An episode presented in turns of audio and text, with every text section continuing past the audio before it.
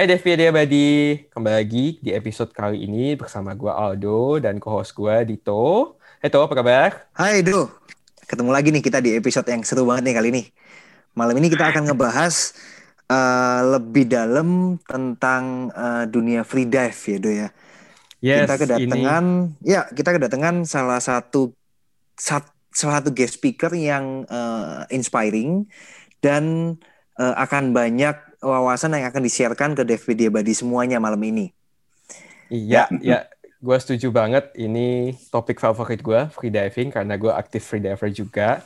Dan uh, podcast guest malam ini spesial banget, karena beliau itu adalah instruktur free dive pertama gue. Dia yang ngajarin gue free dive, sehingga gue lulus uh, ID2, sertifikasi ID2, bisa nyelam ke 20 meter waktu itu di Pulau Seribu dan juga beliau adalah uh, free diving instructor pertama di Indonesia dan juga master free diving instructor pertama di Indonesia.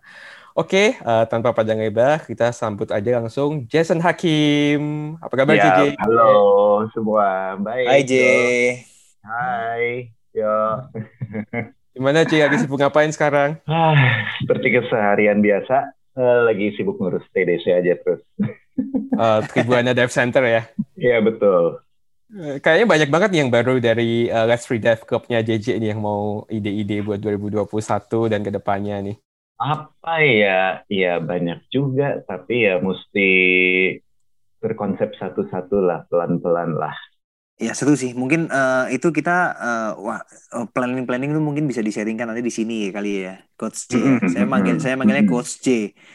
Lalu okay. uh, mungkin ini Coach untuk uh, awalnya nih coach kan DevPD hmm. Abadi ini kan juga kita uh, bergeraknya di uh, banyak macam di dunia underwater salah satunya memang free diving.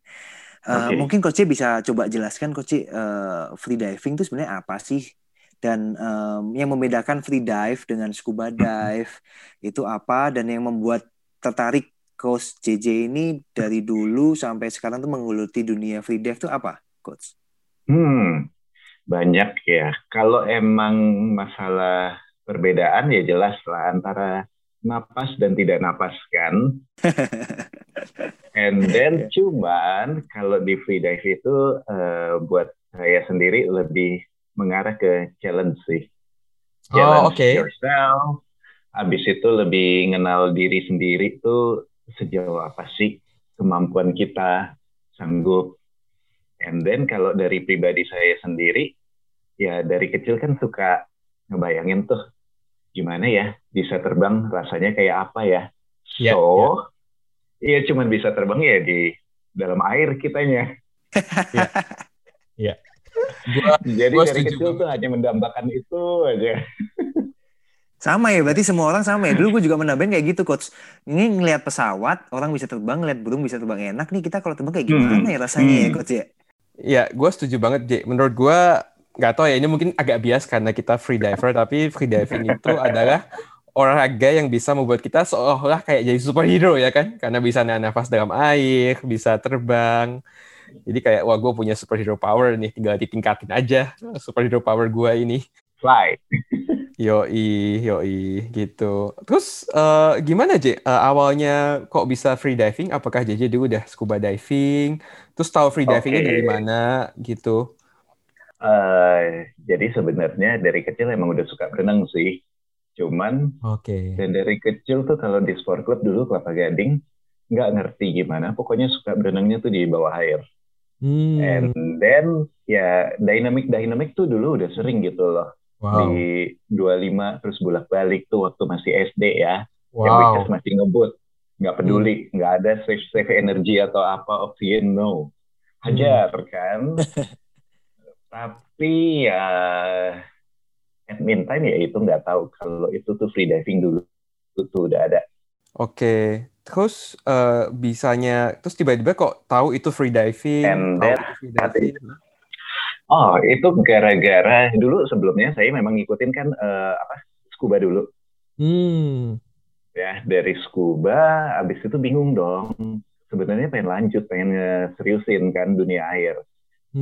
Tapi mikir-mikir nih kalau scuba, duh instrukturnya udah banyak. Uh, repot lah.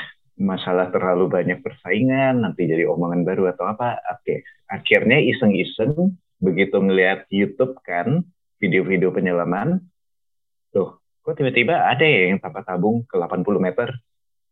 And then langsung dari hati tuh perasaan, ini loh yang gue cari untuk hidup gue. Wow.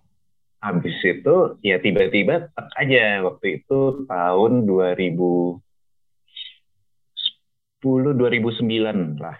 Nah, 2009 tuh waktu masih sering-seringnya scuba di Senayan, ada satu komunitas ketemu Ko Aje lah waktu itu ya. Tahu kan oh, Ko Aje? Tahu, tahu. Oh. Ya. Nah, jadi Ko Aje sempat ngajakin waktu itu underwater hockey. Nah, cuman pas nyobain underwater hockey, saya bilang ke ketuanya, sebenarnya saya nggak cari ini, yang saya cari itu free dive ada nggak sih free dive tuh di Jakarta? Tiba-tiba dibilang hmm. ada. Yang which is oh, dulu oh. tuh masih komunitas biasa, yang which is uh, ya dari anak-anak Pulau Seribu lah. Dulu namanya tuh Deep Blue. Hmm. Nah, jadi oh ya udah happy dong ketemu kan. Nah, pas itu ya diajarin cara-cara ya masih otodidak yang which is for me akhirnya ngikut sekitar lima bulanan gitu mulai berpikir kan sebenarnya free dive tuh ada license-nya hmm.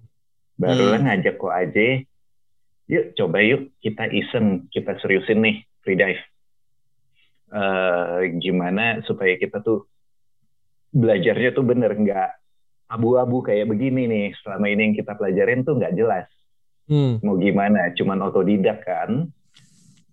Akhirnya itu kalau nggak salah antara September atau Oktober 2010 itu pertama kali kita ngundang guru dari Thailand untuk sertifikasi pertama tuh di Jakarta untuk freediving AIDA 2. Oh wow, siapa gurunya? Uh, dulu masih dari Thailand itu Sarah Witcher.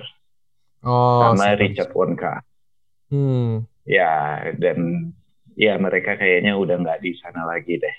Jadi uh, kita udah selesai ya selesainya juga itu yang 60% lulus, 40% nggak lulus. Jadi semua juga waktu itu udah ngundang guru dari luar, effort kita juga udah susah, ada juga yang nggak lulus. Hmm. Jadi ya sudah, oke. Okay. Cuman karena saya mau seriusin, akhirnya saya sendiri berangkat uh, bulan berikutnya tuh Desember kayaknya saya berangkat sendiri ke Thailand untuk ngambil AIDA 3 sama AIDA 4. Wow. Wow. Lanjut. Berapa lama, Cik, di Thailand tuh? Nah, uh, di Thailand tuh dua minggu. Hmm, nggak ambil instruktur nah, sekalian? Oh, enggak lah. Ya, bukannya itu sih. Hepengnya nggak kuat. Oh, oke.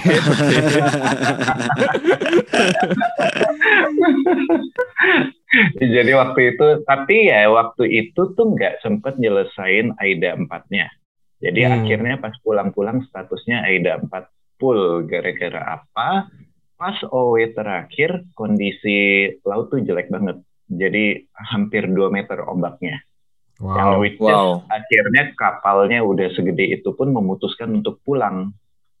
Ah, ya udah waktu itu sih kecewa juga ya udah jauh-jauh ke sana, udah nabung mati-matian hanya untuk ke sana, akhirnya fail gitu kan. So dari September awal uh, September 2010 itu akhirnya Desember pulang dengan membawa Aida 4 pool akhirnya kita putusin lagi di sini sama Ko Aje waktu itu ada Anis juga. Jadi gimana nih? Kita undang lagi deh. Kita bikin batch 2 ya akhirnya pas April kayaknya kalau nggak salah April itu ya kita undang mereka lagi ke Jakarta lagi. Nah hmm. di batch 2 lah itu saya baru selesai AIDA 4-nya hmm finally ya Ya, finally kan. Nah, cuman akhirnya kan uh, awal kan kita memang ikut di Blue tuh. Hmm. Cuman kayaknya ya nggak tahu kenapa mungkin jadi mulai ada yang ngerasa yang antara uh, kayak oh mereka udah license, oh yang ini belum. Padahal mereka pendirinya. Akhirnya terjadilah yang agak-agak kurang nyaman gitu kan. Padahal kita berusaha untuk membantu. Tapi ya at that time ya udah nggak apa-apa. Kalau emang mereka nggak willing, oke okay, fine. I will uh, build up my own community gitu loh. Nah jadi setelah saya AIDA 4 baru saya berani bangun community Let's Free Dive ini. I see. Gitu. Itu di tahun berarti 2010 ya? 2011. Oh, 2011. 2011. 2010 kan ngambilnya. Habis itu 2011 setelah selesai AIDA 4 itu baru berani buka community sendiri. Gitu. Itu JJ juga masih kerja full time atau udah kayak uh, mau fokus di free diving aja? Udah mau fokus di free dive aja sih waktu itu. Wow, tekadnya udah bulat uh, ya. Uh, iya, udah. Habis udah nggak tahu lagi mau apa. Udah, udah amat karena tujuh tahun udah kerja di kantoran. Mm -hmm. uh, hit banget yang namanya kerja tuh di dalam ruangan. Ya cocok uh, deh. Oke. Okay. But jadi uh, waktu itu tiga tahun di advertising. Dari advertising akhirnya lanjut kerja di telekomunikasi sebagai customer service. Terus dua tahunnya lagi coba usaha makanan. Nah, cuman uh, kan ngerasa ya kalau kita buka usaha emang bukan jalan hidupnya ya pasti not growing up gitu loh di situ-situ aja. Punya kesulitan juga kita sulit nemuin jalannya gimana. Nah, akhirnya di free dive ini ngerasain sih kayak this is my path gitu kan. Jadi setiap membangun sesuatu ada masalah bisa nemuin solusinya. Gitu. Jadi ngerasain sendiri di sini. Jadi eh, banyak hal-hal yang bisa dikembangin karena kita selalu nemuin jalan untuk gimana cara ngembanginnya. Dari situ kan ya balik lagi ya, kan waktu itu udah tempes nih akhirnya ya udah uh, ngumpulin lah dari bawa trip pelan-pelan tamu-tamu apa segala nabung-nabung nabung-nabung akhirnya udah kekumpul baru memutuskan tahun 2012 terbang ke Filipina untuk ngambil instruktur. Hmm, di mana J? Free dive Pango bukan? Uh, bukan Panglo. Waktu itu di Molbal. Jadi oh, uh, free diving planet. Gitu. Hmm. Dan kebetulan waktu itu ngambilnya sama kepala sekolah dari Aidanya langsung. Hmm. Oh. Kepala edukasinya. Base-nya memang di Filipina mereka. Tuh sih. Iya, betul. Oke, J. Uh, jadi uh, terus pulang-pulang jadi instruktur pertama nih di Indonesia. Betul. Mm -mm. Mantap. Gitu. Kan. Nah, habis itu barulah pelan-pelan ngajar. Ya, tahun pertama siapa sih yang tahu free dive selain komunitas-komunitas itu kan? ya ya udah pelan-pelan nah balik lagi komites dulu kan berpikir ya tanpa alat tanpa ini ya gue bisa beli alatnya berarti gue bisa free dive tapi kan tidak seperti itu kenyataannya kan betul nah jadi ya udah pelan-pelan uh, ngerubah mindset orang. Kenapa? You have to learn why you have to take certification. Uh, agak sulit sih di awal. Banget. Karena waktu itu masih sendiri, belum lagi konflik dengan uh, pihak yang bukan free diving. Jadi badan hukumnya apa segala itu ditanyain. Karena kita dulu kan kalau latihan di Senayan tuh kayak wow kayak kita yang segala yang which sebenarnya sih tidak seperti itu. Es kita tahu edukasinya tuh seperti apa. So hmm. banyak challenge yang dilalui tiga tahun pertama waktu saya jadi instruktur. Lah dulu intinya pas freedive pertama kali masuk tuh, aduh nama gue tuh jelek banget deh nama saya tuh di Senayan. Dianggapnya begini, begini, begini, begini. I don't know lah. Yeah. Jadi setelah tiga tahun tuh ada instruktur scuba yang ngambil dan mereka tahu, oh ternyata gue udah level instruktur aja bisa nggak lulus gitu kan. Hmm. Jadi mereka baru realize free dive itu seperti apa sih. Nah dari situ ya udah baru mereka mulai uh, secara positif tuh mm, membantu menyebarkan about free diving tuh completely different loh sama scuba. Hmm. Gak cuman sekedar nyelam, lebar kolam tuh lo disebut free dive gitu ya enggak gitu kan hmm. ya uh, and then dari situ kan dulu levelnya tuh masih instructor nah sedangkan yeah. tahun ketiga aku ngajar tuh aku baru mulai ketemu uh, si Mike tuh baru masuk hmm, Michael Dominico nah, ya yes dari hmm. Mike masuk nah waktu itu kan dia kelimpungan tuh pulang dari Inggris aduh gue nyari mana nih di Indo ada nggak ya free dive iya. apalagi yeah. di Jakarta kan mm. akhirnya dia dikasih tahu salah satu instruktur scuba di Senayan oh ada tiap Rabu tuh malam nah di situ baru dia nyamperin nah cuman karena saat itu si Mike juga masih AIDA 3 akhirnya dan aku masih instruktur nggak bisa ngajar dia tuh ke AIDA 4 dong mm -hmm. nah di situ aku mulai mikir oke okay, ini yang udah AIDA AIDA 3 siapa nih yang mau ngambil AIDA 4 yuk kita undang uh, guru yang dari Filipina mentor saya ke. Indonesia untuk ngajarin mereka tuh level master.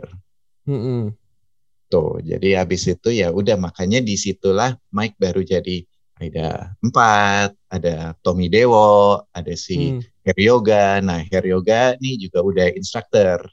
Hmm kan nah dari situlah kita build nah dari situ akhirnya Mike membangun eh dia lanjut lagi ngambil sampai instructor hmm. habis itu dia mulai ngembangin kompetisi nah dari Mike ngembangin kompetisi ini makin kebuka lagi pikiran-pikiran hmm. orang tuh untuk apa ya untuk ya berpikir oh ini loh reason yang ngambil license atau apa tuh about free diving tuh mereka lebih terbuka lagi. Jadi dari hmm. awal uh, dari Mike juga dulu sempat bantu pengajaran atau apa, terus uh, dia mau jadi instruktur juga, dia juga ngomong ke saya, ini kalau anak-anak LFD ada yang bantuin dia boleh nggak? For me, I'm fine gitu loh, karena kita kan membangun komunitas sama-sama. Yep. Yep. Justru I need person yang bisa membantu freediving di Indonesia ini berkembang lebih banyak lagi. Mm-hmm. I cannot do it alone gitu. I need someone mm-hmm. yang bisa kerjasama dan kita bangun sama-sama. Mm. Itu. Jadi akhirnya ya sejauh ini perkembangan freediving jauh ya kalau mau dibilang dari tiga tahun aku ngajar pertama itu sampai sekarang. Dari berdarah-darahnya udah udah kerasa duluan ya, Coach Jason ya. Udah. Nah, jadi makanya yang yang sekarang ini tidak merasakan dulu tuh kayak apa. Hai Devpedia Buddy, buat kamu yang sedang mencari peralatan free diving dan scuba diving yang berkualitas dan original, kamu bisa langsung menuju ke Instagram page Mantas Dive Shop di @mantasdiveshop. Mantas Dive Shop merupakan salah satu online shop terpercaya yang menjual berbagai macam peralatan diving, mulai dari fins, mask, wetsuit, divecom, dan aparel-aparel lainnya. Langsung aja ke Instagram page at Mantas Dive Shop dan mention kode promo Mantas Divepedia untuk mendapatkan harga spesial saat berbelanja di Mantas Dive Shop. Promo ini berlaku sampai dengan bulan April 2021. So, segera temukan peralatan diving favoritmu di Mantas Dive Shop. Uh, di Let's Free Dive sendiri juga udah ada kan, udah ada Ican, udah ada Ko Aja yang bantuin jadi instructor. Jadi udah menurutku udah, like udah. dua tiga tahun terakhir dunia free diving di Indonesia juga lumayan pesat ya perkembangannya. Betul, pesat banget sih kalau mau dibilang, banget banget hmm. bahkan. Mm -mm. Nah yeah, tapi yeah. ya itu balik lagi ya kenapa dari dulu uh, saya pribadi nggak mau mencampurkan free diving ke ranah-ranah politik lah. Hmm. Ya karena ya udah lebih baik kita jaga. Jangan ribut karena urusan uang atau lo punya murid lebih banyak atau apa I don't care gitu loh. Karena kita punya rezekinya masing-masing kok. Dan yeah, murid yeah, ini dia nyemen ke mana bebas. Makin murid ditahan makin jadi hilang. Hmm. Karena hmm. uh, whatever itu kita semua instruktur pengen muridnya tuh beres. Ya, lulus. pengen maju kayak lulus ya. Betul. Tapi nggak semua orang punya penyampaian yang bisa tuh klik sama si murid. walaupun tujuannya sama. Setuju. Instruktur hmm. punya cara yang beda-beda dengan satu tujuan. Nah, hmm. that's why kalau si murid mau berlatih ke tempat siapa, I'm fine gitu kan. Jadi kita hmm. justru saling kolaborasi untuk bantu si murid-murid ini tuh bisa selesai kelasnya. Hmm, hmm. Nah, dari situ kita bisa saling bantu, barulah kita tuh freediving Indonesia tuh bisa berkembang. Karena kita nggak ada slack sana sini. Tapi kalau kita udah mikirannya uh, masalah pemasukan, habis itu masalah gue lebih jago ngajarnya sih ini nggak bisa.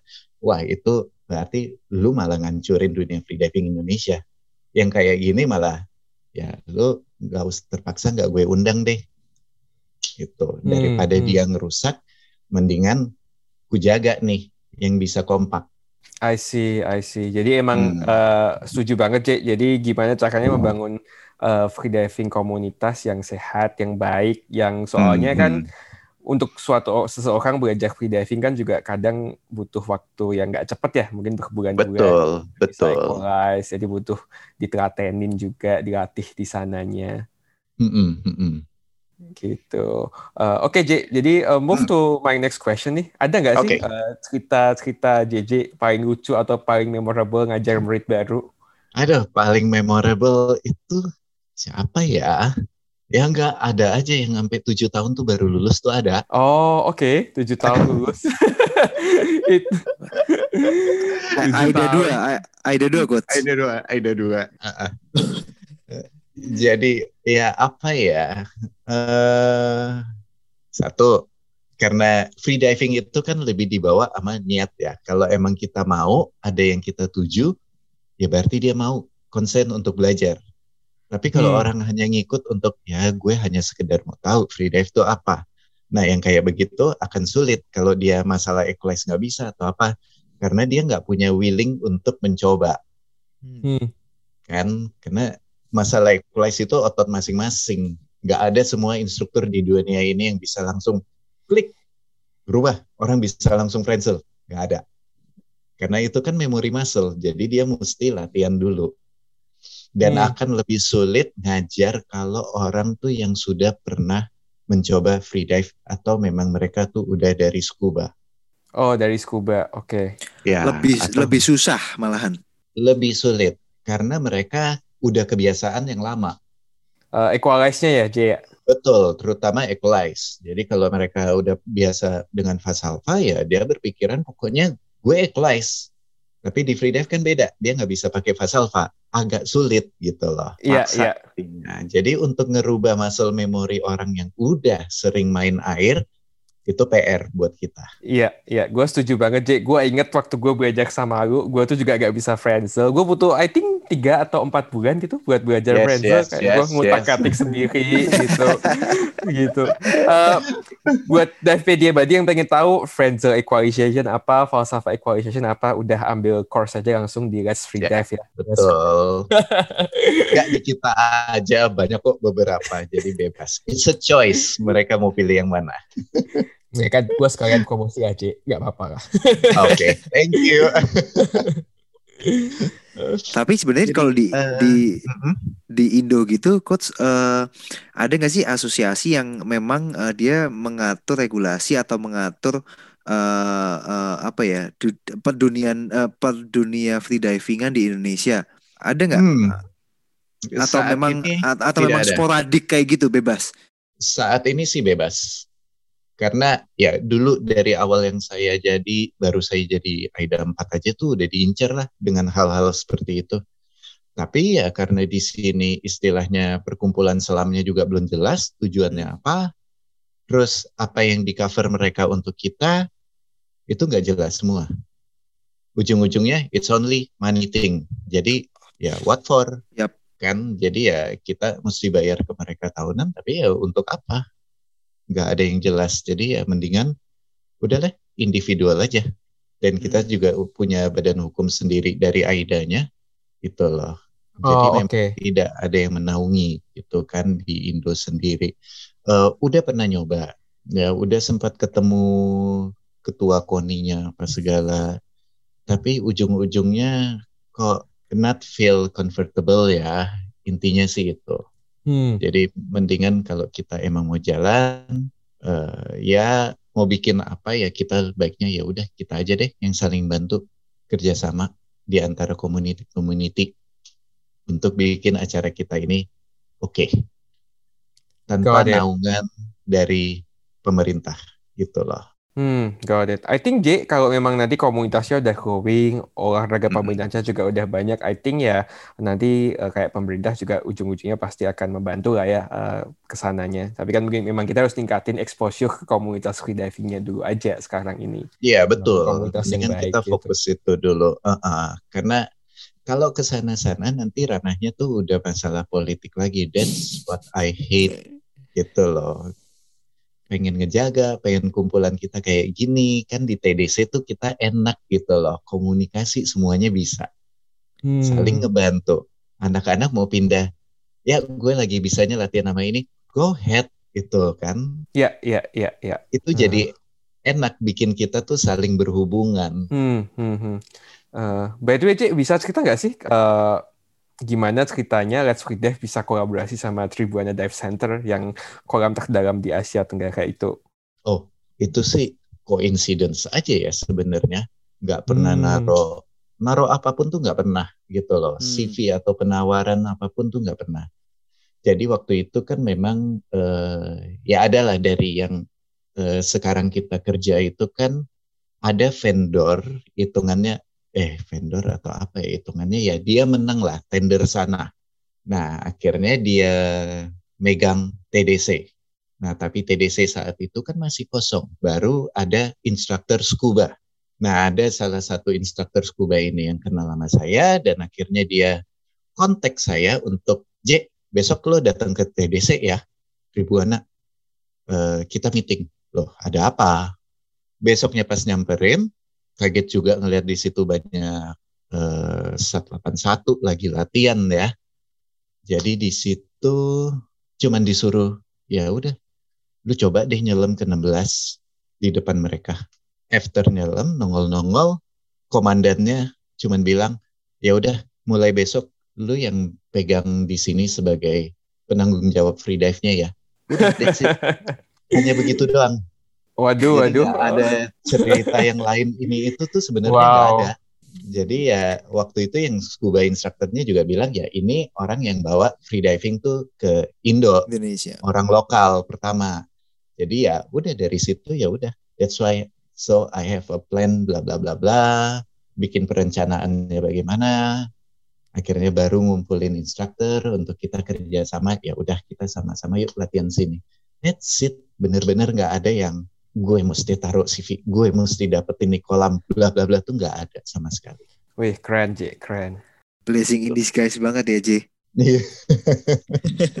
Tapi gue happy gak J, maksudnya sekarang juga di TDC bisa maju kan, maksudnya terawat gitu kan, abis direnovasi dan jadi kami uh, dan ya anak-anak freediver suka banget lah pasti karena ada 16 meternya itu di sana. Betul, apalagi di saat kayak begini kan ngebantu kita banget gitu loh, mengurangi kita masalah resiko ke, ke laut. Yeah.